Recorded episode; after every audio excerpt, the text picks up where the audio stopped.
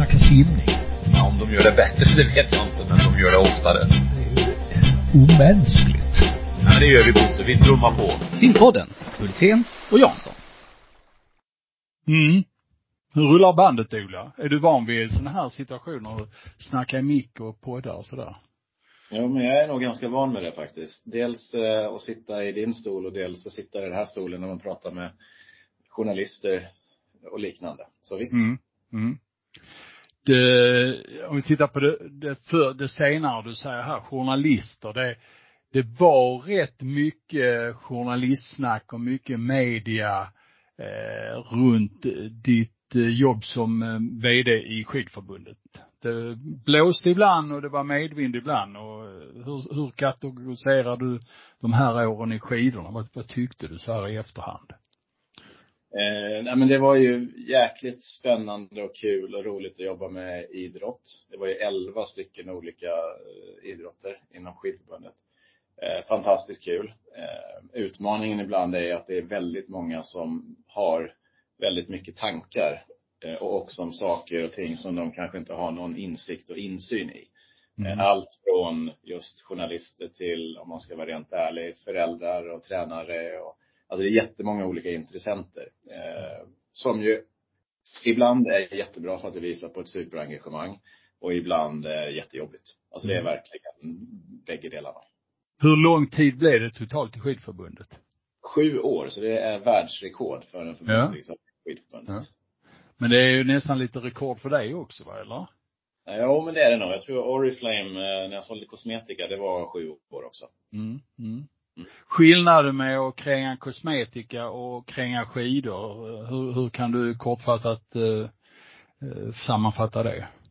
Ja, men jätte, jätteintressant fråga faktiskt. För när jag fick jobbet på skidförbundet så frågade min dåvarande chef, eller blivande Mats Orjes mig, vad jag kunde relatera till att jobba med en ideell värld som ju idrotten är. Och när jag Mm. jobbade på Oriflame så hanterade man ett par hundratusen kosmetikaförsäljare som inte var anställda men som jobbade för att de kände engagemang att göra någonting. Och inom idrotten är det ju exakt samma sak. Man kan liksom inte peka med hela handen och få någon att göra något utan man måste vis, måla upp en vision och en, en, en dröm och då jobbar folk jättemycket.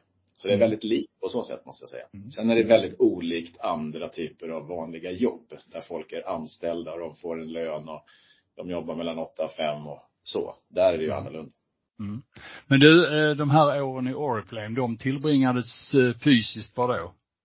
Eh, I Vietnam, Indonesien och Kina. Mm.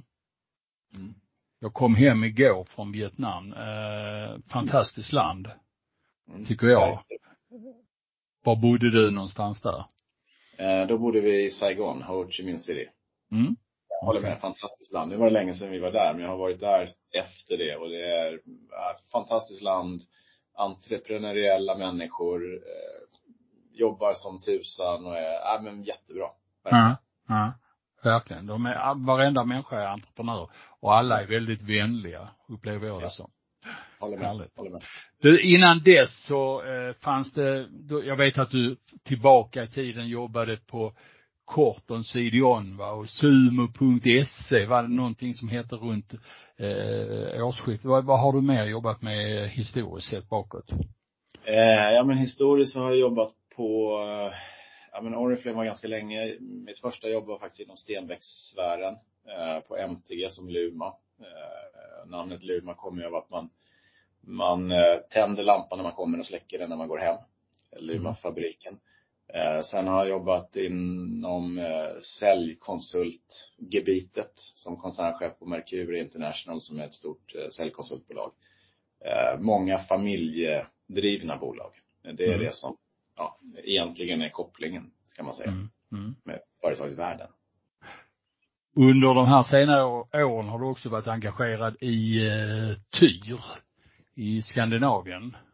Exakt. Det är borta nu det engagemanget eller?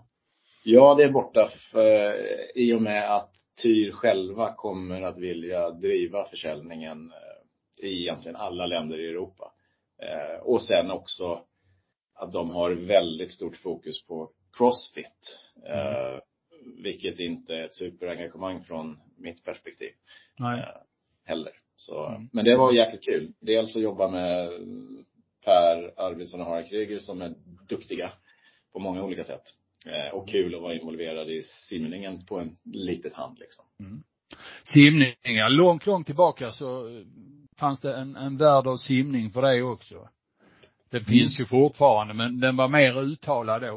Var började det här någonstans?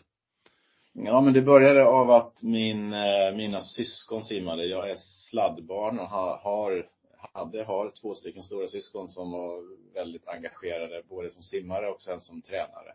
Och en far som, fastän han knappt kan simma, var jätteengagerad i Svenska simförbundet. Så då Vice inte jag- ordförande i simförbundet, vill jag minnas. Ja, exakt. Eh, Så jag hade inte så mycket val. Jag var i simhallen i Växjö hela tiden.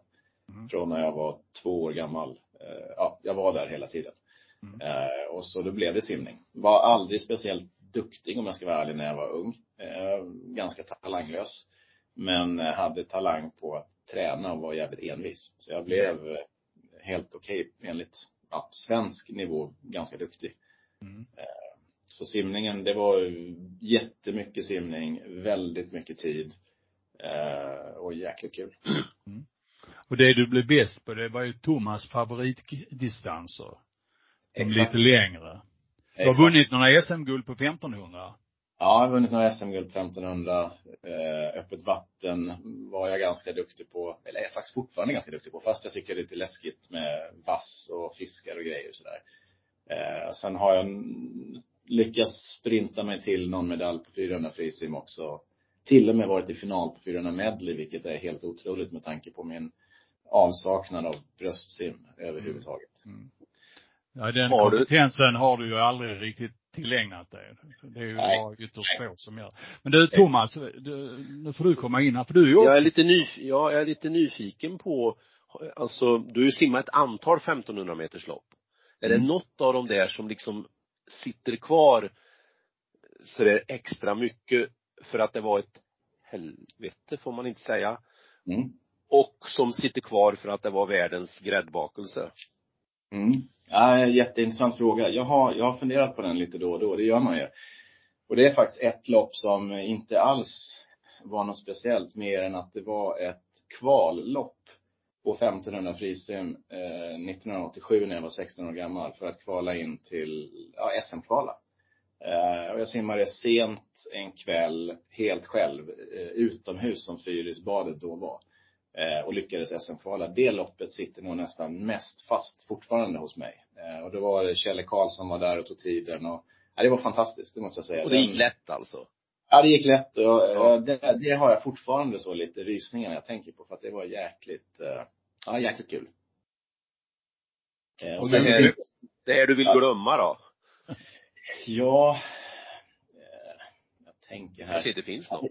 Jo, men jag hade ju några, jag hade ju några duster där jag ibland vann och ibland förlorade mot min eh, nemesis på den tiden, Jonas Lundström.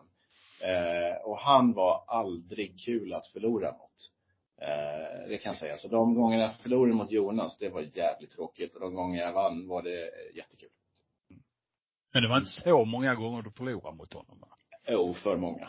Var det det? Ja, jag vann en del och han vann en del. Men, men det kan jag säga. Annars, ja, man har, ju- man har alltid velat simma lite fortare. Men jag var generellt ganska nöjd med att åstadkommit det jag gjort med, ja, faktiskt måste jag säga. Du berättade om simning i, i Växjö, men sen så kom du in på Fyrisbadet och Kjelle Karlsson. Vad, vad, vad hände där? Ja, exakt. Vi flyttade från Växjö upp till Uppsala. Eh, och så fortsatte jag, började simma i Växjö, sen fortsatte jag simma i, i Uppsala. Eh, och vi var då ett jäkligt kul gäng faktiskt. Som, eh, Uppsala har ju en historia av att vara väldigt duktiga på simning och sen har det gått lite upp och ner. Eh, och vi hade ett gäng då som var ungefär i min ålder som höll ihop supertight. Eh, Mm. Coachades av eh, både min bror men framförallt min syster Ina. Eh, och gick jäkligt bra. Vi var med på JSM och slogs om saker och ting och Eh, också om man tänker på sånt som är roligt men också lite jobbigt. Vi hade ett JSM där vi simmade 4 gånger 200 frisen på morgonen. Eh, simmade fort. Eh, jag tror vi hade då 7.40 eh, vilket var bra för så länge sedan som det är nu. Eh, Och på kvällen så simmade jag och två av mina kompisar i laget 1500 frisimfinal. Och den fjärde killen i laget simmade 200 fjärilfinal. Så vi hade 1500 gånger 3 och en tvåning fjäril i kroppen innan finalen på gånger två. Och vi kom trea, vilket är en av, förmodligen en av våra största besvikelser. Inte konstigt, men ändå jäkligt irriterande. Vad var det för namn du hade runt omkring dig där i Uppsala då? Då var det Henrik Karlsson, Kenneth Nyman och så en av Sveriges största talanger någonsin, Anders Kron. Mm. Mm. Som simmade i det där laget. Anders Kron född 74 som blev svensk mästare på 200 ryggsim till exempel i Landskrona en gång och lite annat. Ja, och så har han vunnit Ferlindoppet. Mm. Ja, Ferlin, precis. Ja, han var väl nästan den yngsta SM-vinnaren bland herrarna där ett tag. 15 år gammal, 89. 2.06 låga. Mm. Mm. Men det stoppade inte med simning eh, i Uppsala. Där tog inte karriären slut. Och sen blev det mer. Sen kom du till eh, ordentlig träning sen va? Exakt så. Nej, precis så. Efter gymnasiet så var det dags att börja plugga. Eh, och jag ville plugga någonstans där det fanns bra träningsförutsättningar. Uppsala var väldigt inriktat på sprint och lagkapper, eh, vilket eh, inte passar mig. Lagkapper, fine, för en två, men eh, annan sprint absolut inte. Eh, och fick då möjligheten att flytta ner till Malmö och plugga i Lund och träna med Greg eh, och Malmö kappsimningsklubb och simuniversitetet som då precis drog igång. Eh, och det var helt perfekt för mig som mm. hade talang för att kunna träna väldigt hårt utan att gå sönder om man ska vara rätt krass. Mm. Eh, så det var, nej, fantastiskt gäng också. Malmö där i slutet på 80, början på 90-talet, mm, ja, vann ju det mesta faktiskt. Mm. Hade väl tror jag något SM 92 där, om det var alla jag vet inte, det var ju fem, sex, ja, kanske till och med alla tjejerna i final på 200 fritt. Alltså man är helt brutalt. Mm, mm. Så var det. Du, eh, hur gick det att kombinera den typen av träning som ändå var ganska tids, eh, stor tidsåtgång med att plugga? Men det funkade bra för att jag läste eh, bland annat juridik och då är det inte jättemycket föreläsningar. Utan man väljer själv när man ska tillskansa sig den informationen man behöver och kan läsa när som helst egentligen. Eh, jag läste även ekonomi, vilket var lite svårare för att du har schemalagda föreläsningar. Men det funkar bra. Jag, jag är ju en stor förespråkare av att göra något annat vid sidan om simningen. Oavsett hur bra man är så behöver man någonting annat att tänka på och fokusera på. Framförallt när simningen inte går som man förväntat sig. För det gör den ju ibland inte. Att då inte bara vara simmare. Nej, och det mm. utvecklar ju människan också lite snabbare. Man får ju snabbare perspektiv på frågor, på saker och ting.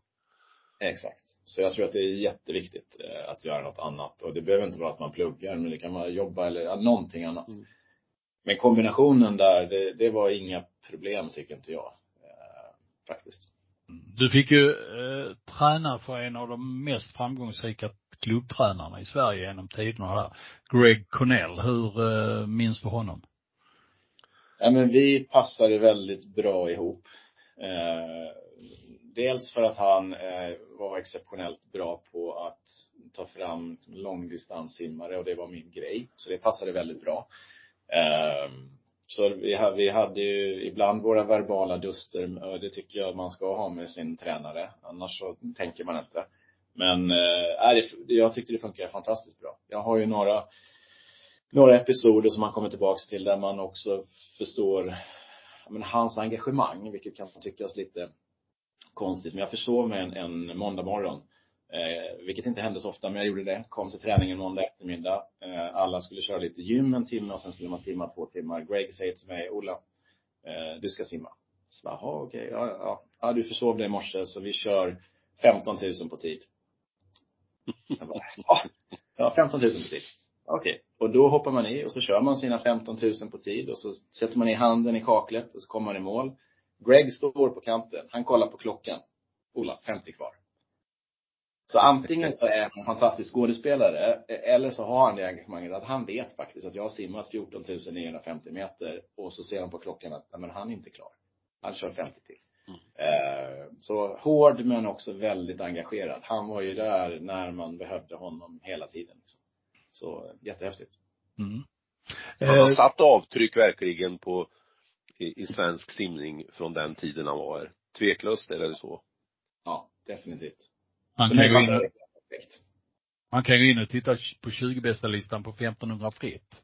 Ja. Till exempel genom tiderna så ser man ju var det tränades ordentligt. Eh, Coca-Cola dricker du just nu. Det är en, en vanlig dryck hos dig. Mm, mycket. Två, tre om dagen. Ja. Du, eh, eh, så blev Malmö, hur, hur blev det där? Fasade du ut simningen i det läget eller?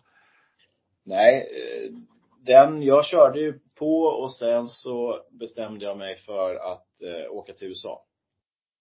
Ehm, så sim, där kan man väl säga att simningen var ju, den var prio ett för att försöka bli så bra som möjligt och studierna klarade det också.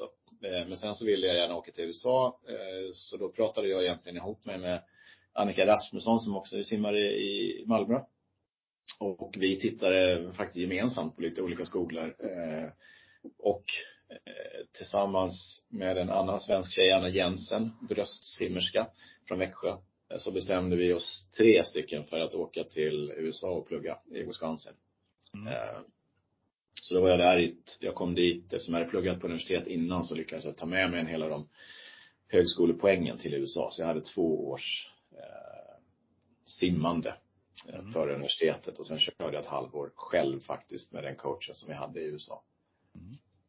Hur eh, var Wisconsin som simuniversitet på den tiden? Nej men det var, för mig var det, jag hade träffat tränaren där innan när faktiskt Malmö var på läger på Hawaii. Då var Wisconsin också på läger där. Så jag hade träffat honom. Um, och var ganska, ganska lik Greg faktiskt på vissa delar i, i approachen till träning och, och fokus och commitment och de delarna. Um, så det passade mig väldigt bra. Sen så slutade han tyvärr ganska kort därefter. Men vi hade väldigt bra kontakt under hela tiden. Och sista terminen när jag simmade själv, då coachade Jack, som han heter, Jack Pettinger, eh, mig.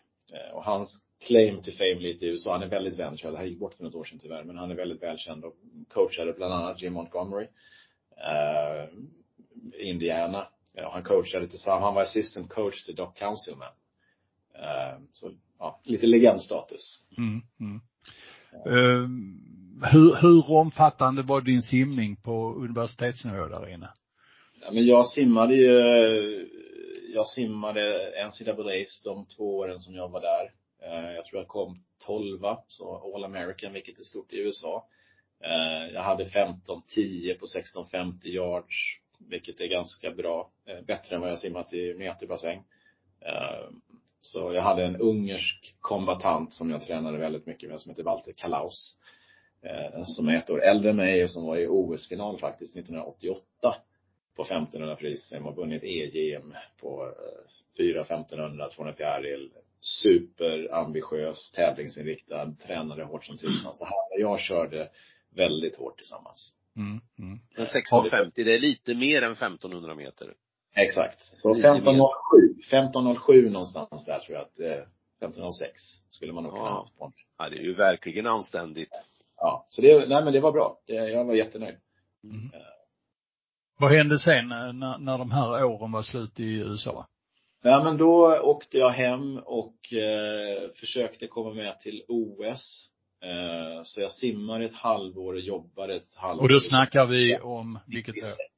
96 ja. Ja, så jag försökte, jag tog ett halvår, eh, tog examen i januari 96, tog ett halvår på att simma, jobba lite extra.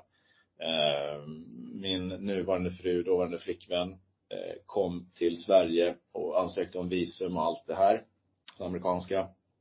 Och sen så simmade jag där under, ja, under våren och sommaren.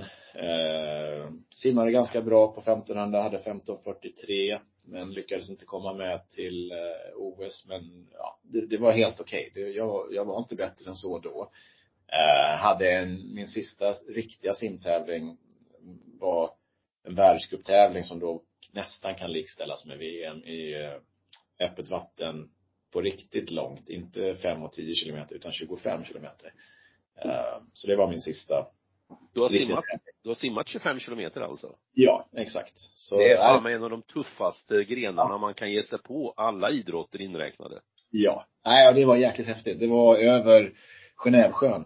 Så man, man startade i Evian och sen simmade man över till Lausanne och så vände man där och simmade man tillbaks. Eh, så det var fantastiskt kul. Så där hade jag nog, jag hade kunnat tänkt också den, det är inte, det är väl 50-60 stycken som simmar så det är ganska, alla känner varandra. Och där hade jag en tanke om, och fick också inbjudan från Australien att komma dit och träna med dem och tävla med dem. För det gick ganska bra, jag kom sjua. Eh, Men, och det hade jag nog gjort om jag inte hade fått det jobbet som jag verkligen ville ha. Mm. Så då, då var det, ja, jag fick det jobbet jag verkligen ville ha och då tappade jag motivationen för simningen direkt, vilket var ganska skönt. Eh, För att jag tror att det är många gånger så saknar man den här tävlingsdelen och man känner sig lite, ja, inte hel för att man inte har kvar idrotten. Men för min del så gick det över i en am- ambition och liksom till jobbet. Mm. Sen hade du lockat med eh, en dame från USA också. Exakt Det, så. det var ju inte bara att sticka från henne eller? Nej, nej, men hon hade nog hängt på till Ja. Australien. Det är fint där. Ja. Du, ja det var eh, historisk tid eh, och du drog ett streck för simningen 96, alltså den, den där aktiva elitkarriären. Men sen så eh, har du fortsatt att simma hela tiden eller var det så att du eh, fick ett, eh, vad heter det, en återställare tänkte jag säga, här, eh, eller hade du en, en lång lucka innan du började simma masters eller träna ordentligt igen? Ja, men jag hade en jättes, jättelucka. Jag hade en lucka som var eh, i, i kilo från 72 till 104. Eh, Mm. och i tid från 96 till 2012, 13 där någonstans. Mm, mm, Där jag inte simmade någonting. Eh, Mm. Och sen har jag de senaste 10 plus åren försökt hålla i hyfsat frekvent, men någon gång i veckan. Eh, och om jag inte, ja, åtminstone 1500 armstart i en 20 för att inte degenerera helt. mm. Så två kilo per år plockade du på dig under den där tiden Ja, ungefär? Egentligen var det nog 10 kilo per år under tre år, om jag ska vara Mm. helt ärlig. Okej. Ja. Mm, mm. Men så kom du tillbaka sen och så har du tränat sen dess och så eh, kom de här nya jobben som vi inledde snacket med och nu är vi framme i nutid och nu ska det simmas VM och det börjar på söndag. Eh, har du läst på nu vad som händer och, och fötter under VM och vad tror du om ett svenskt sim-VM här eh, nästa vecka? Mm. Ja, men jag har väl hyfsat koll på vilka som är där och vilka som inte är där. Eh, ja, man vet ju inte riktigt konkurrensen. Jag har inte kollat deltagar, startlistorna, men USA, Australien har väl inte sina topp, hela toppen där, förmodar jag. Eh, så det är klart att förutsättningarna finns ju att det ska gå bättre på ett långbane-VM än vad det normalt går på ett långbane-VM för Sverige, där vi har det lite svårare. Men det är väl självklart så att Sara kommer att eh, vinna 50 fjäril och 50 frisim. Eh, och hon kommer kanske vinna 100 frisim också. Eh, superbra med, med, man kan tycka vad man vill om, eh, och det gör man, om ett VM i Qatar och ett VM i februari när det är OS-år. Eh, bägge de delarna känns väl sådär. Men för svensk simning så är det väl superbra att det är många tävlingar där den kan få lite publicitet Mm. eh, tycker jag. Eh, Så Sara kommer ju att simma fort som tusan. Hon simmar ju fort bara man väcker henne. Mm. Eh, och sen är det intressant att se hur Sofie, Louise och Michelle, hur fort de vill, kan simma nu. Eh, jag tror att Viktor kommer att simma jättefort. Eh, både på 4 och 800. Eh, Seliger har ju en kapacitet som är otroligt hög. Får man ju se om man får ut den. Killarnas lag är ju spännande att se hur, hur fort de kan simma, om det kan räcka till en OS-plats. Så det är väl, det är väl lite mina highlights från Mm. svenskt perspektiv. Mm. Det är ju 196 länder med på VM. eh, Då är det några nationer som inte är med i simning men som är med i synkro eller så vidare. Så att det är ju ett stort evenemang, tveklöst. Jag har heller inte tittat i eh, några startlistor och, och så. Eh, Men bredden på världssimningen är ju så stor så att även om då Australien, USA och några till kanske inte har det allra bästa så, så ingen tvekan om att det blir tuffa tider till finaler. Mm. Det tror jag. Du är inne på det Ola här att eh, det är bra för svensk simning att synas i de här sammanhangen. Det finns ju många som eh, klagar på att eh, det är för många simmästerskap. Du, du kommer ju själv nu har jobbat med en idrott där det verkligen är exponering eh, 24-7 med, det känns som det är ett VM i veckan ungefär i skidåkning och även i skidskytte. Kan man, kan man exponera idrotter för mycket? Eh, Nej. Det kan man inte. Nej. Nej. Nej, men jag tror att de, de som är intresserade av det kommer ju tycka att det är jättekul och de som inte är intresserade av det, de struntar ju i det ändå. Mm. Eh, för jag tror, alltså det finns ju en del som tycker att simning är, ja, det är svårt att värdera för att det finns så många olika grenar. Ja, men det finns jättemånga olika grenar. Eh, men de skulle ju inte tycka mer om simning om vi tog bort 100 eh, metersdistansen och bara körde 50-200, tror inte jag. Eh, så jag, jag tror inte att det, det går att överexponera det, för det, som det är i dagsläget så är det ju lite en marknadssituation att mediehusen sänder det som folk tittar på och tittar folk inte på det så slutar de sända det. Mm. Så skulle det vara överexponerat, då skulle folk sluta titta på det, då skulle de sluta visa det. Så det finns ju en lite sån, ja, att, att det löser sig självt lite. Och precis som du nämnde det så tror jag också det här att man kanske måste komma bort ifrån när folk gnäller på att nu är det ett VM till och nu är det ett EM till och så är det kortbana och så är det långbana och så är det mellanbana och vad det nu är för någonting. Att man borde kanske istället då jämföra just med världscuperna.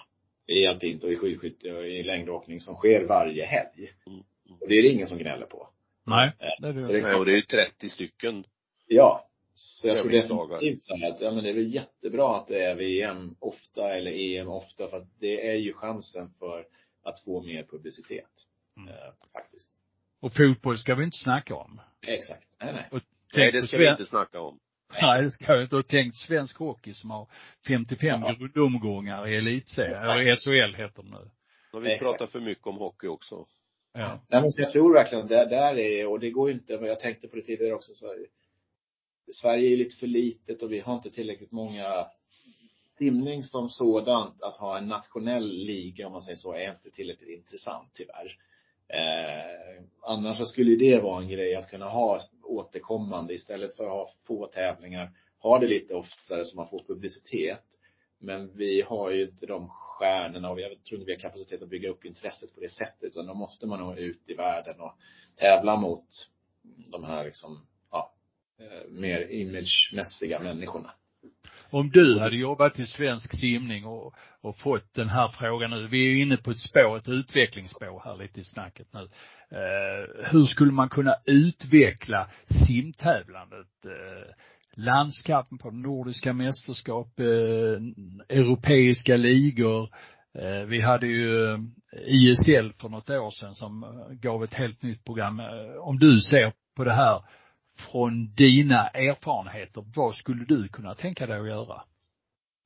Eh, ja men jättesvår, stor fråga såklart. Jag, jag tror lite beroende på vad man vill uppnå. För är det, vill man, vill man nå nya människor som ska tycka att simning är intressant, då är ju en vanlig simtävling helt fel, fel väg att gå. Alltså en fyra timmars eller tre timmars simtävling, I'm sorry, alltså det, det är inte kul att kolla på om man inte kan simning. Eh, och knappt, då, knappt, knappt det också. Nej men verkligen, det, så är det. Och där var ju ISL eh, ett steg på vägen tycker jag, att skapa någonting som inte handlar om egentligen hur fort man simmar, utan vinner man kampen för sitt lag. Sen kan man ha åsikter om de här lagen, London Roar, vad de heter. Är det bra eller dåligt? I don't know. Men, men just att skapa den här, liksom, nästan som ett dual meet i USA. Där ser man liksom, de här lagen vann och de kom tvåa, de kom tre. Det är ju, tror jag, i så fall en väg att gå. Att skapa lite mer intresse och ha kortare, färre lopp, kortare tävlingar, lite mer show. Eh, skulle kunna funka. Men vi, vi som är inne i simningen eller har stått på kanten eller varit simmare, vi är ju så oerhört fixerade vid tider hela tiden för det är som, det är så, vilket ju också är en tjusning för det är ju mätbart på ett sätt ja. som man inte kan göra om vi nu tar jämförelsen med skidor så någon som vinner i år vet vi ju inte om den åkte fortare än den som vann Exakt. förra året eller förra veckan eller för tre år sedan. Ja, ja. Eh, Så, men baksidan är ju det här du är inne på att människorna som tittar på dem är ju ändå inte, de ser ju inte om de, någon som simmar i 15.30 fart på 1500 eller 14.50 utan det är ju kampen de fastnar vid. Exakt. Och jag pratade, jag frågade faktiskt min, min fru som, hon säger att hon är gammal simmerska, fast det är hon inte. Men hon, visst, hon kan simma. Eh, liksom, vad är det som skulle kunna få en simtävling att vara intressant eller varför är den inte det?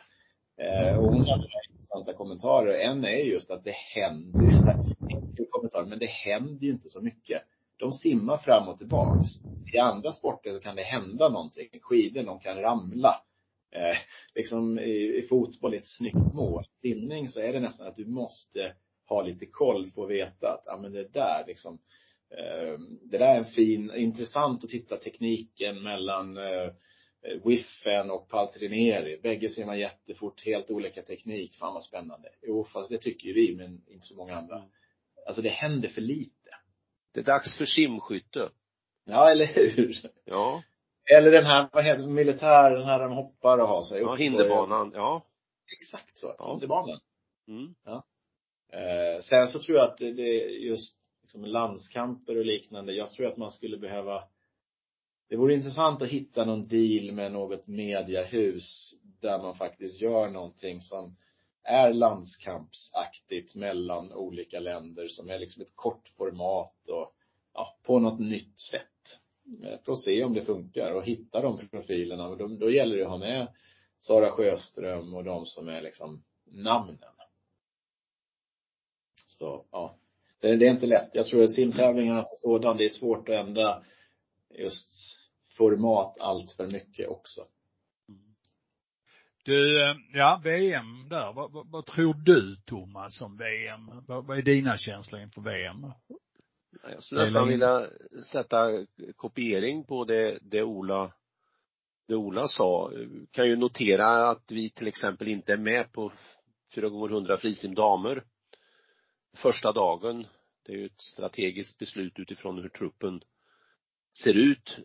Och det har inga bekymmer, alltså jag tycker det är bra Alltså vår idrott behöver också ställas inför att man oftare måste ta beslut i olika inriktningar. Mm. Alltså ibland försöker man ju lösa så alla, det passar alla hela tiden. Mm. Så att det, det tycker jag var ett friskhetstecken. Sen blir det ju jättespännande att se liksom, då är vi tillbaka till tider hur, hur fort går det? För då är man ju inne i tänket, eh, det är strax OS. Mm. Det är sju, sju månader bort eller sex och en halv va. Så det är klart att jag, när jag kommer att betrakta det så kommer jag ju att eh, granska tiderna och åttonde tider och, och så vidare och så att, eh, ja det är spännande men jag tycker det ska bli jättekul att det drar igång på söndag. Simbassängdelen drar igång på söndag. Det andra är ju igång redan.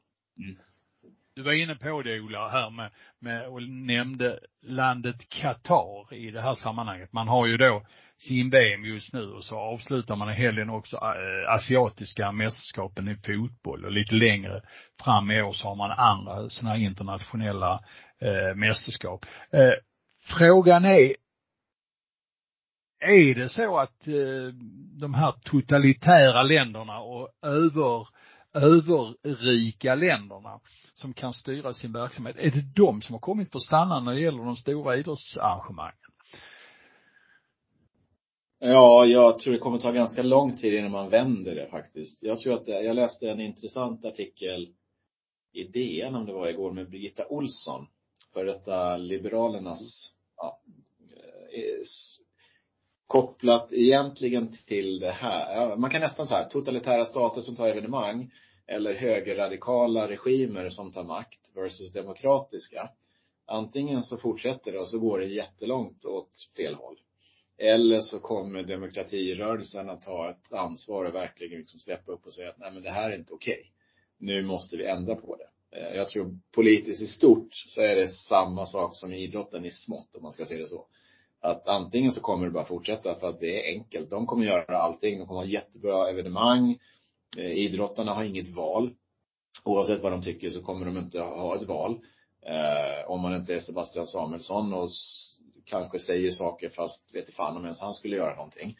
Eh, och jag är tveksam till att det finns tillräckligt många som är beredda att verkligen ställa sig upp och säga att nej men nu gör vi någonting annorlunda. Och ställa sig upp innebär inte att bara göra som fäktförbundets ordförande Drakenberg.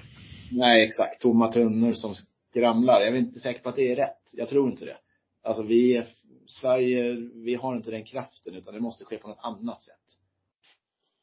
Eh, men jag vet, det kommer ju vara så här ett tag till. Mm. Eh, mm. Tyvärr. Vilket är jättetråkigt. Och jag, Nej, jag, jag, jag är inte säker på att, att, eh, att, eh, att göra en process där de här länderna inte har arrangemang är en bättre process för världsfreden och för att det ska bli bättre. Jag, jag kan se en poäng i att, det, att folk möts. Eh, oavsett om det är då Ryssland för att de, de krigar i Ukraina så ser jag, jag ser ingen poäng som är bättre än att mötas. Så fort vi stänger ute och håller ifrån, då bygger vi murar. Så att det, finns fler sidor på det där myntet tror jag. Mm. Ja. Mm. Ja, som sagt var, det, det är ju inte bara simning som pågår i, eh, i eh, Doha just, eller förlåt mig, Doha just nu, utan det har ju varit eh, simhopp och synker eller konstsim som vi kallar det officiellt i Sverige och så open water. Eh, vad gillar ni att grabbarna har kommit tillbaka i eh, konstsimmet? Är det bra eller dåligt? Vad tycker du Ola? Nej, jag tycker det är jättebra. Eh, det finns ju ingen anledning till varför det inte skulle finnas möjlighet för killar att vara med. Och nu är det ju en fantastisk möjlighet eh, att knipa framstående placeringar för att konkurrensen är ju absolut inte lika hård som den är bland tjejerna. Ungefär samma sak som i ja, backhoppning i, i en av mina gamla sporter där av tradition bara killar som håller på med och sen kommer tjejerna såklart och gör det också. Och det finns ju jättestora möjligheter att ta, ta, ta lite position. Simhopp eh, var svenskarna inte helt tokiga på här under eh, VM. Även om, om vi är i de nedre regionerna av finaler och har ett nytt landslag på gång. Thomas, har du följt det någonting här senaste Nej, veckan? det, det har jag inte gjort annat än att jag noterar att de är med, de tar sig till finaler och bibehåller ju en tradition att vi är en att simhopp håller ganska hög klass. Eh, sen har vi varit bortskämda med längre tillbaka då med olympiamästarinnor och etc. Eh, så jag tycker de svenska där som är på plats och, och för att knyta ihop med med frågan om manligt konstsim Eh, som jag också tycker är en självklarhet att det ska finnas. Och det är jättekul att vi då är med där i början. Eh, och då behöver man inte värdera så mycket huruvida konkurrensen är, för hur, hur mäter man det i olika idrotter? Det är ju jättesvårt. Du Thomas, du gjorde en sammanställning när det gäller fina poäng i lång bana här för ett tag sedan. Berätta lite närmare hur du, hur du har tänkt, det, hur du hur du har analyserat det här. Eh, det låter så fint med fina poäng. Mm. Men eh, ja, alltså jag, jag valde ut 34 eh, grenar, individuella grenar. Eh, och då är det de olympiska grenarna plus 50 meter rygg, bröst och fjärilsim. Och så tittade jag på de tio bästa i Sverige 2023 i varje gren. Och så noterade jag hur många hade världsklass. Och då var det en som var uppe på tusen poäng, Sara Sjöström. Satte ju ett världsrekord förra året och därmed så hamnar hon i den divisionen. Och så tittar jag på hur många på den här 10-listan är det över 900 poäng, 800 poäng, 700 poäng och, och tyvärr har vi ju de som faktiskt ligger på 600 poäng eh, bara som är med på 10 bästa listan. Det är alltså 340 positioner, 34 grenar gånger 10. Och då är det 109 av de 340 är under 700 poäng. Vilket ju är ganska mycket. Eh, nu har jag ju inte full statistik bakåt men vi har gjort det här några gånger. Det, det är ehm, det vi har sett och upplevt stämmer ju när man går in och tittar här att det är det blir snabbt ganska långsamma tider. Och det är relativt få som är 800 uppåt. Det vi på något vis skulle symbolisera som eh, landslagsklass eller möjlighet att konkurrera lite grann. Sen måste man ju upp på 900 för att slå som finaler och semifinaler på OS-VM. Så det var ju den delen då att verkligheten stämde ganska väl med kartan. Tittar man sen på de här grejerna, hur det ser ut sinsemellan och då kan man ju konstatera att vi har väldigt få vi har mycket färre positioner över till exempel 700 poäng på 4 och 1500 frisim, 4, 8 och 1500 frisim. Vi har mycket färre positioner på 200 bröstsim, 200 fjärilsim, 200 ryggsim och även ser vi skillnad på 400 medley. Så det kan man ju se, man skulle kunna då titta på den här bilden och säga, säga att på många ställen tränar de ganska likartat. Det är ganska inriktat mot spektrat 50 till 100 meter. Ungefär så som Sverigekartan ser ut. I många år har jag varit oerhört, vad ska vi säga, inne på att det här är en jättefara för vår idrott. Det har varit verkligen som ett mantra för mig att nej, vi måste ta alla de här alarmsignalerna på allvar och etc. Men sen då har jag ju följt friidrotten under många år och tittat på likartat sätt hur Eh, det har vi inte haft fina poäng med, jag tittar hur långt den som är sexa, sjua, åtta, nia, tia på olika grenar i, fri, i friidrotten. Och då är ju de, om jag använder uttrycket, än sämre. Trots det så kommer det fram friidrottare av världsklass, simmare av världsklass. Och då slår det ju sönder mitt resonemang lite grann här, hur viktigt det här är. Sen att jag tycker det är roligare att se 200 frisimdamer och det är åtta stycken i Sverige som simmar på 1,56 istället för 2,03. Men det är en helt annan historia. Så det är den bild jag har fått fram på fina poäng 50 meters bassäng 2023. Mm. Kan du dra fler slutsatser och, och bolla det här till Ola? Ja men vi kan bolla till Ola direkt. Du, du, du fick ju mallen där och vad ger mm. det för tankar och reflektioner hos dig? Men eh, dels är det ju eh, väldigt eh, internt. Mm. Så, det är inte jättemånga som tittar på det där och jag tycker det är bra att du gör det Thomas. Och sen hoppas jag att många flera andra gör det som sysslar med utveckling. Mm. Eh, liksom av simning. Eh, och det är som ett nedslag att kunna ha den en längre tid är det ju bra att se hur nära eller inte världsutvecklingen ligger i. Sen så håller jag ju med dig också. Jag tror att ser man på, för om, om vi tror att vi kan genom ett system skapa fler världsartister, då är det ju jätteviktigt att se vad är det som är liksom nycklarna till det. Men jag tror inte att vi egentligen har en systematik i att få fram världsstjärnor, utan det är slumpen. Vi har helt plötsligt en, eh, en Therese Alshammar eller en Sara Sjöström eller en Lasse Frölander eller en Stefan Nystrand. Och sen är det så att ja, de har fantastiska ledare och tränare runt sig som ser till att de når sin potential. Men det är inte så att vi har ett system som gör att helt plötsligt så lyckas vi få jättemånga eh, som blir duktiga. Utan de här är ju duktiga för att de är outliers, de är något annat. De skulle kunna bli bra på vad tusan som helst. Eh, och det kan man ju fråga sig så här, ja men ska vi bli bättre på att hitta ett system på att verkligen få fram? Och då är vi kanske för små i volym, I don't know. Eh, tittar man på USA så har de kanske ett system och de har väldigt många simmare som gör att de lyckas bli bra tack vare det. Eh, men vi är ju beroende av att vi har de här liksom, fantastiska unikumen som kommer och så gäller det att förädla dem till att bli så bra som möjligt. Och det kanske är good enough. Eh, men ska man bli något annat, då kanske man måste tänka mer på hur fasen kan vi systematisera det här? Eller så nöjer vi oss med att vi har Sara eh, och hon är svinbra och så har vi Michelle och Sofie och Louise och Viktor och alla som ligger där och bubblar också.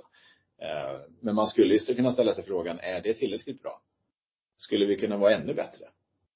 Den är ju helt omöjlig att svara på, men det kan ju vara värt att fundera på det.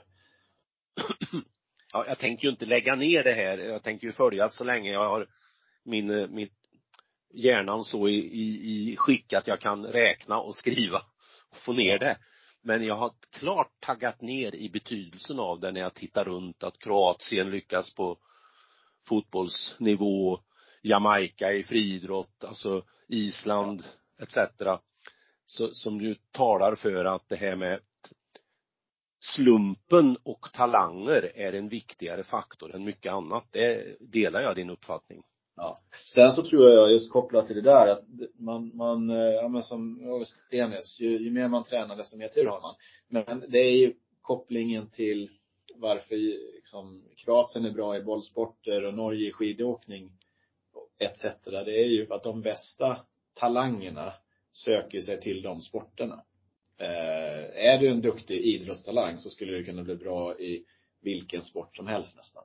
Eh, och i Norge söker de sig till skidor och det är därför de är så bra på det och dåliga på många andra sporter.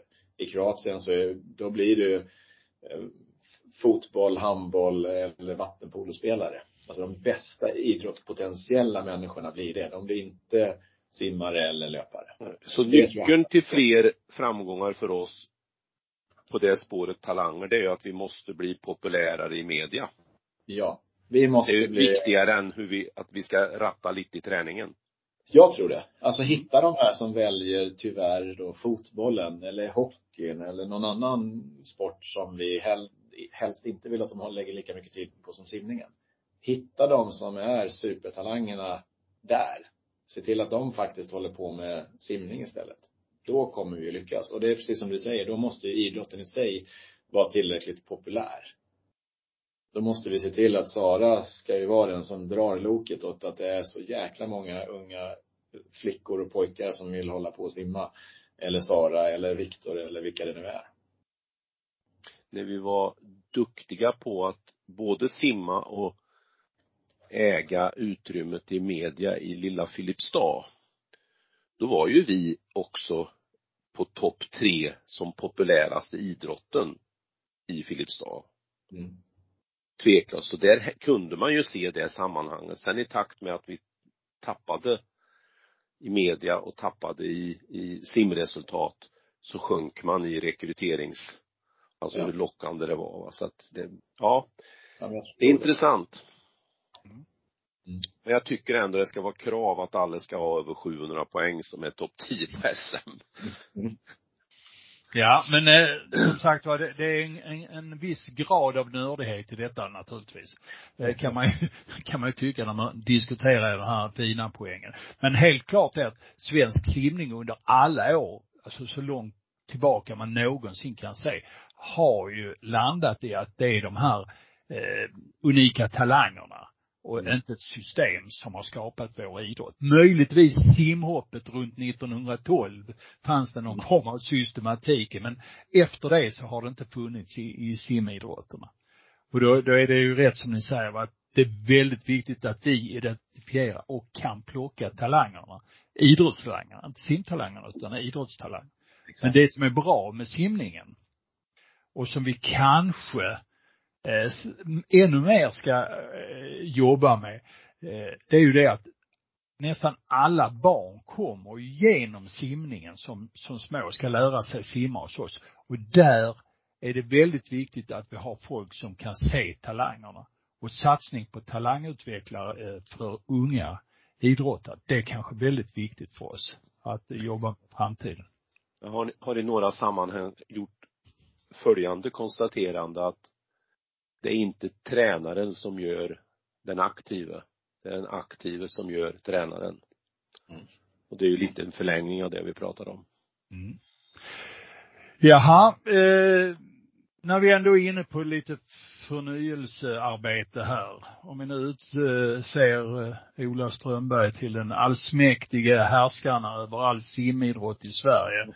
Eh, vad skulle du vilja peka på att eh, man skulle göra då för att förbättra den här idrotten och på, då menar jag med, eh, vi kan snacka i olika lager, popularisera, eh, skapa mer ekonomi, göra den kanske lite bredare eh, utveckla de här bitarna som vi snackar om nu. Du, du får fritt att välja tre saker här nu som du bara får hugga och hålla ett kortare brandtal om. Mm. Mm. Eh, nej men, dels en passus. Först så har jag för lite insikt i vad som görs. Det, allt det som jag säger nu kanske redan är på gång. Jag kan för lite om vad man gör. Eh, men jag tror det är en av de sakerna som du nämnde sist där, pengar, det är ju nyckeln till jättemycket.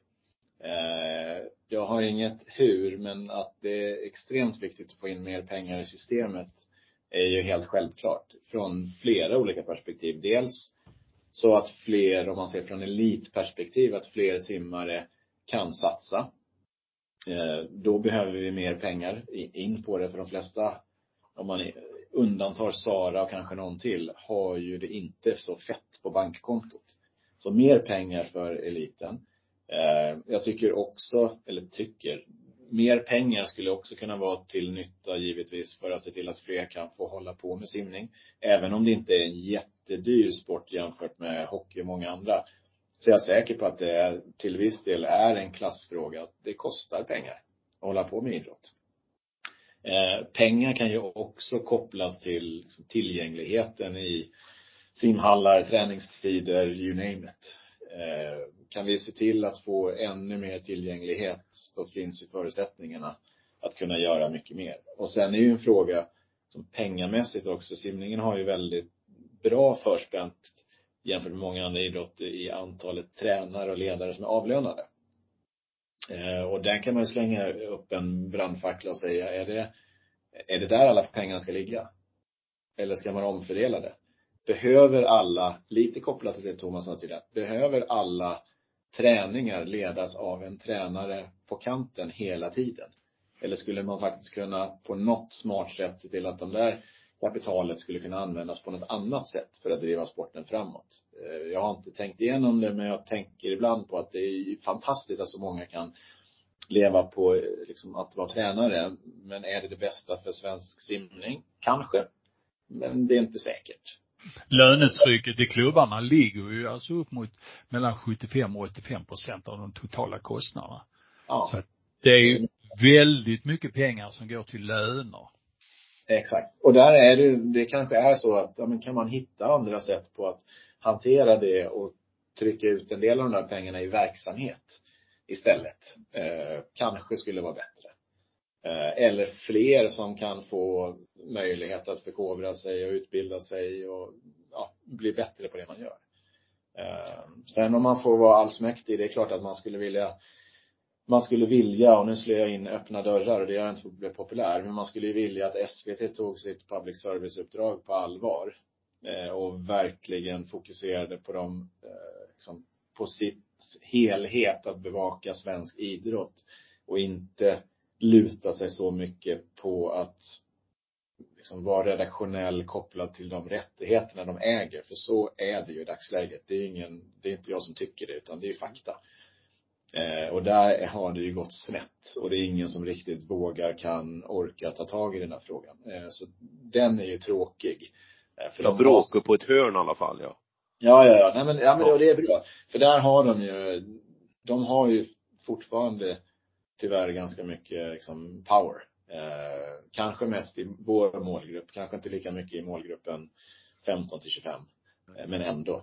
Eh, och PR-mässigt tycker jag, för den är ju, jag håller inte riktigt med er ibland som kan bli lite så här gubbgriniga på PR-mässigt. Eh, att vi har ju ändå några liksom, som skriver mycket simning, som Malin i DN. Där är ju, de var jättebra. Eh, Göran skriver en hel del för TT. Eh, Niklas Nord och Lasse är ju fantastiska på SVT, även om de inte kan påverkas så mycket. Liksom, redaktionellt så har de ett jäkla brinn för det.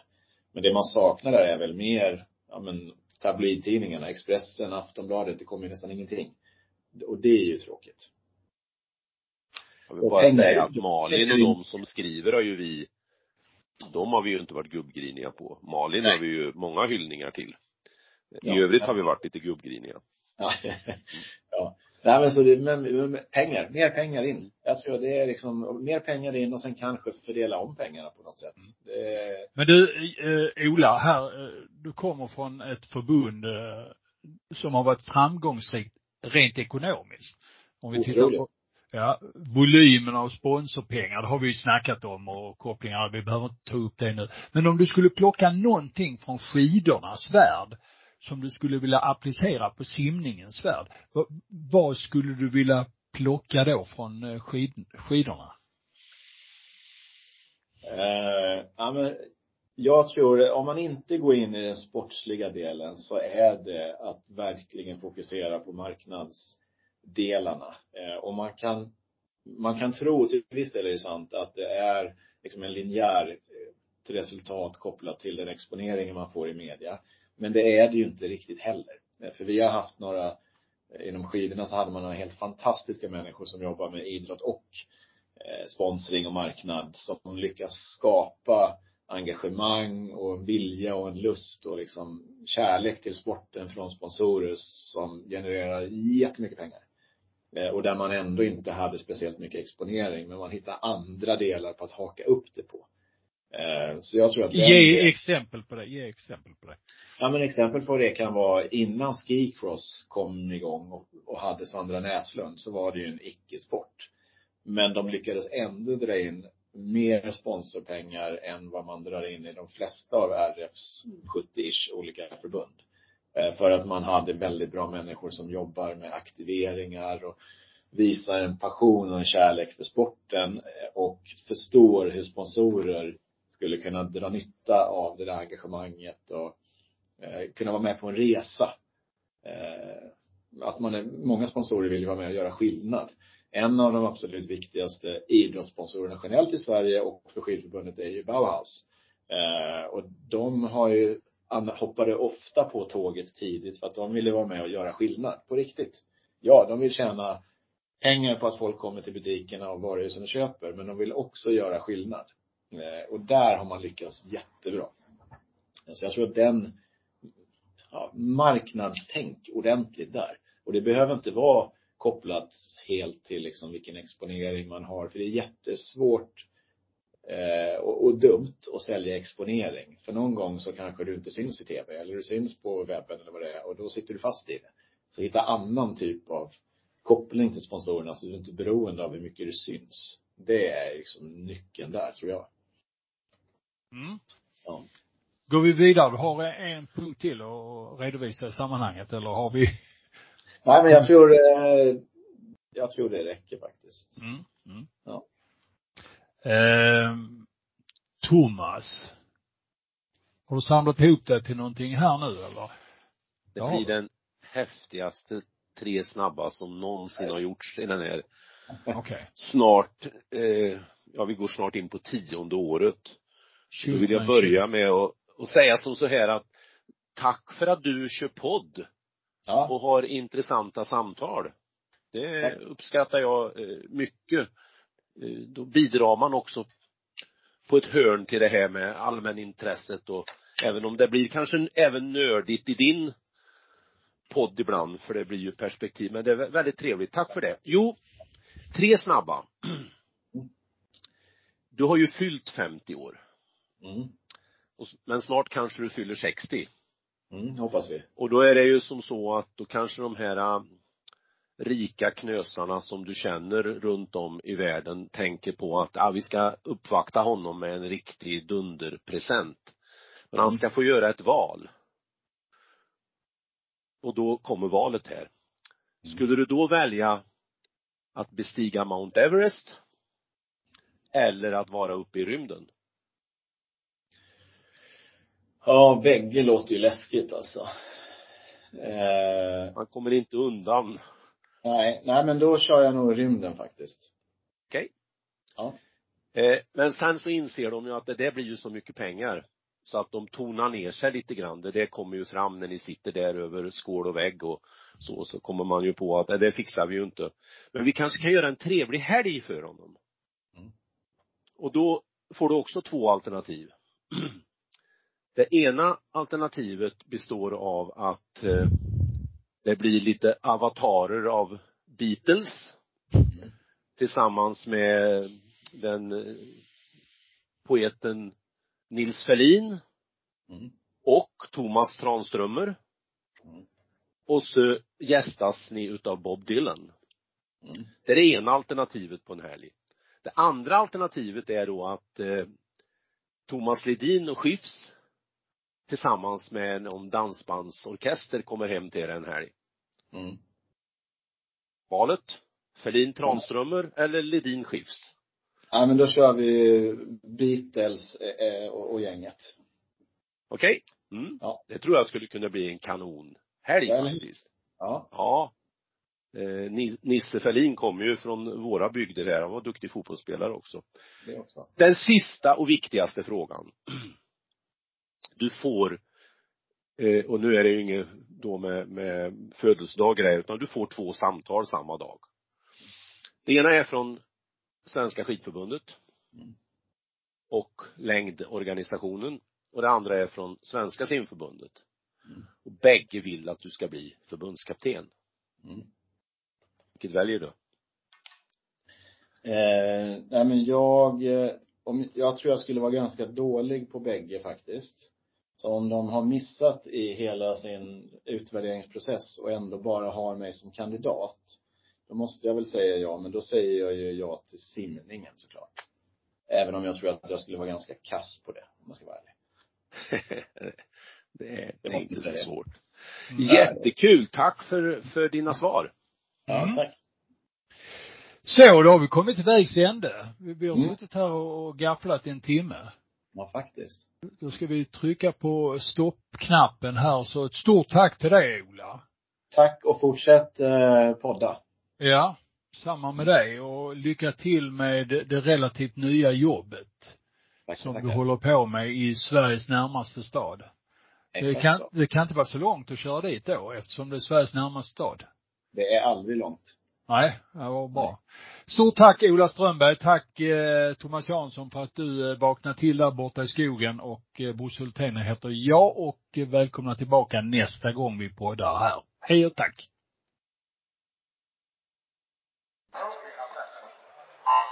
Nu ska vi snacka simning.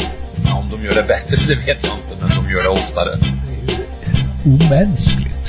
Ja, det gör vi Bosse. Vi trummar på. Simpodden, Hultén och Jansson.